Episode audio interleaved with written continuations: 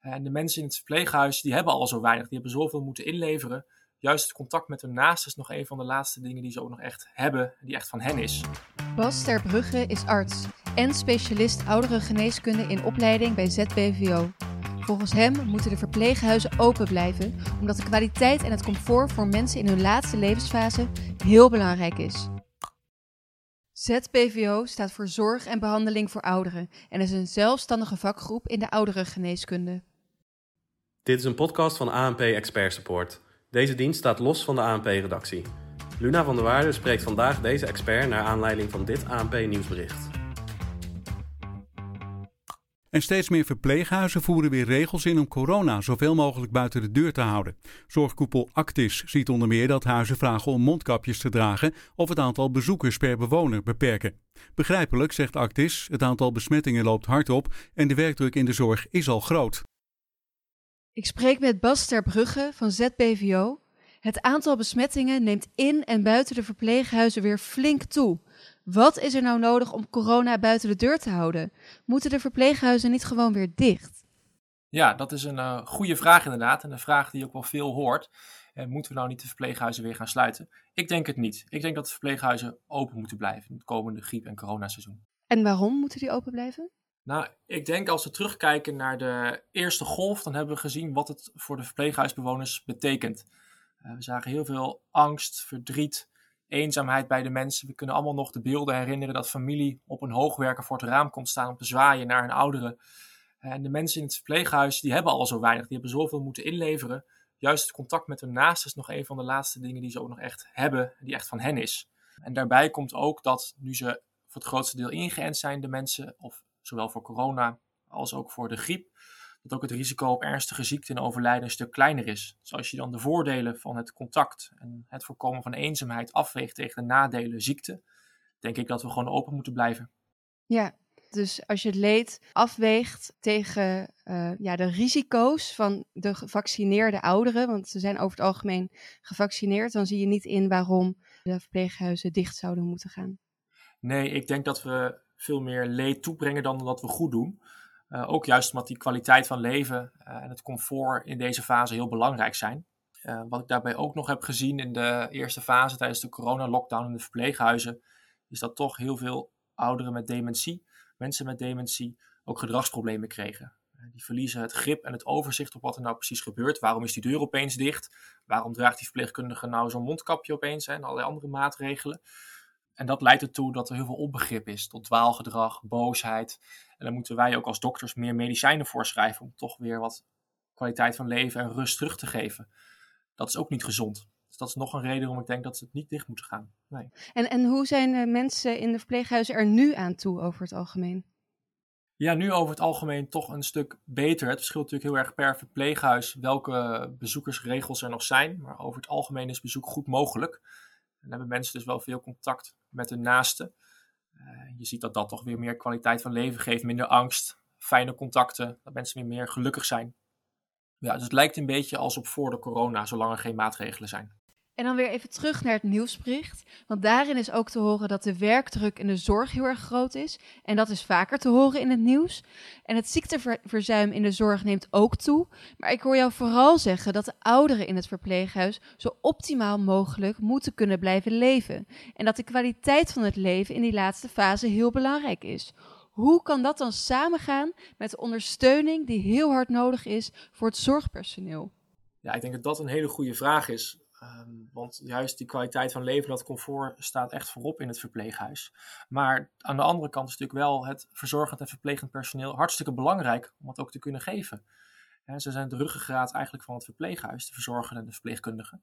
En zij moeten wel hun werk kunnen doen. Als ze uitvallen door de hoge werkdruk of door ziekte, ja, dan kunnen we ook niet meer de goede zorg voor de mensen leveren, wat je wel wil doen in je verpleeghuis. Dus ik denk dat het ook heel belangrijk is om de verzorgenden en de verpleegkundigen, maar ook eigenlijk al het personeel, alle medewerkers in verpleeghuizen, toch veilig te houden. Dus dat betekent ja, de vaccinaties die toch afgekondigd zijn, dat er weer een extra vaccinatie komt voor zorgpersoneel en voor bewoners, om op die manier toch wat meer immuniteit te geven. Maar ook voldoende beschikbaarheid van middelen, beschermingsmiddelen, dat we niet zoals in de eerste golf achteraan lopen en te maken hebben met hoge ziekteverzuim en uitvalspercentages. Ik vind het ook wel interessant in dat opzicht. Hè. Je hoort natuurlijk veel berichten over de intensive care. Dat daar de noodklok wordt geluid over IC-verpleegkundigen. Ik denk dat de noodklok voor het aantal verpleegkundigen en verzorgenden in het verpleeghuis al jaren geluid wordt. Dus zeker, ik maak me heel veel zorgen om de intensive care, hoe dat gaat gebeuren de komende winter. Maar ik maak me wel evenveel zorgen over de verpleeghuizen en het personeel daar als ik kijk naar de werkdruk en het ziekteverzuim. Ja, en ik hoor je zeggen, de afgelopen jaren betekent dat dat het voor de coronacrisis eigenlijk al niet heel erg goed ging? Nou, voor de coronacrisis zagen we ook al dat er toch een groot verloop was. Hè, dat toch verpleegkundigen en verzorgenden ja, uitvielen of naar een andere organisatie gingen. Dat het moeilijk was om een stabiel team te hebben en die continuïteit te kunnen geven, die juist heel belangrijk is als iemand bij je woont. Ehm, dus dat is al iets wat ik langer zie. En waar ik nu, wat nu ook meer onder druk komt te staan door de coronacrisis. Ja. ja. En, en hoe is jouw eigen werk veranderd in de afgelopen jaren als je dat vergelijkt met voor de coronacrisis en ja, waar we nu staan? Ja, mijn werk is in dat opzicht veranderd. Dat als ik nu bij, ik kom nu vooral bij mensen thuis, ik doe vooral huisbezoeken.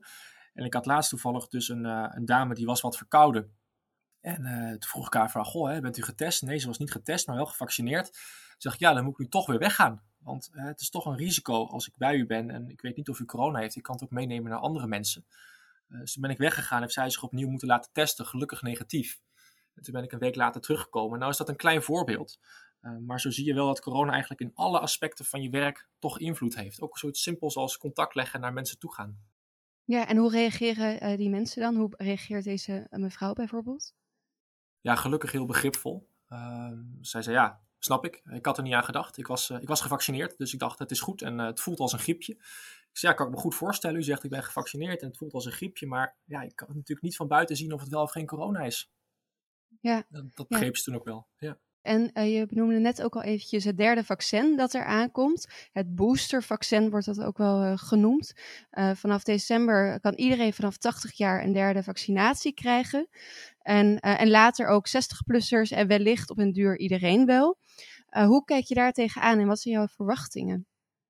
Ja, ik denk dat het boostervaccin, wat we ook zien in de omliggende landen, zien we toch steeds meer, ook in Nederland nu, dat mensen die uh, langer geleden gevaccineerd zijn, toch steeds meer ook op de, in de ziekenhuizen komen, op de intensive care, dus toch wat minder goed beschermd zijn tegen het coronavirus. Ja, ook de berichten van het RIVM die je daarover hoort. En ik denk wel dat het heel goed is, dat het ook echt effectief lijkt te zijn om die derde vaccinatie te krijgen. Op die manier toch dat immuunsysteem weer extra aan te jagen. En extra bescherming te geven tegen het virus. En ik denk aan de ene kant zeker ook voor onze eigen bewoners, hè, dat die nog een keer extra die bescherming krijgen. Ook omdat het immuunsysteem van de ouderen toch vaak wat minder goed meer werkt. Dat ze dit dat extra stukje bescherming krijgen. Maar ook juist daarom om te voorkomen dat zij het kunnen overdragen naar het personeel, naar de verpleegkundigen, naar de verzorgenden. Dus dat de verpleegkundige verzorgenden ook de vaccinatie krijgen, maar ook de bewoners. Zodat er eigenlijk zo min mogelijk corona of griepvirus rondgaat in je verpleeghuis. En je zoveel mogelijk zorg kan blijven leveren in een open verpleeghuis. En verwacht je dan dat het net zoals de griepprik een jaarlijks terugkerende vaccinatie zal worden? Ja, dat is natuurlijk een veelgehoorde vraag. Hè, van ja, wat kunnen we verwachten in de toekomst van het coronavaccin?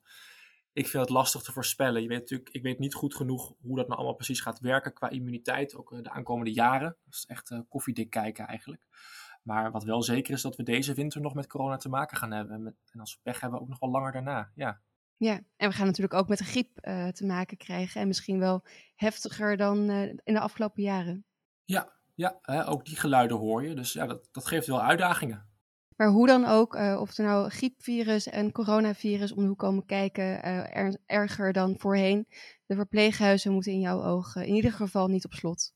Nee, niet helemaal op slot. En misschien wel goed om daar een kleine kanttekening bij te zetten dat hè, waar het nodig is, als iemand ziek is op een afdeling of een patiënt, dat er dan zeker de goede maatregelen worden genomen met een isolatie, met een quarantaine als dat nodig is. Maar dat het heel gericht en lokaal gebeurt, op de plekken waar het echt nodig is. En dat we niet zoals vorig jaar gaan zeggen, ja, we hebben nu één besmetting, we gooien het hele verpleeghuis met 300 bewoners in quarantaine.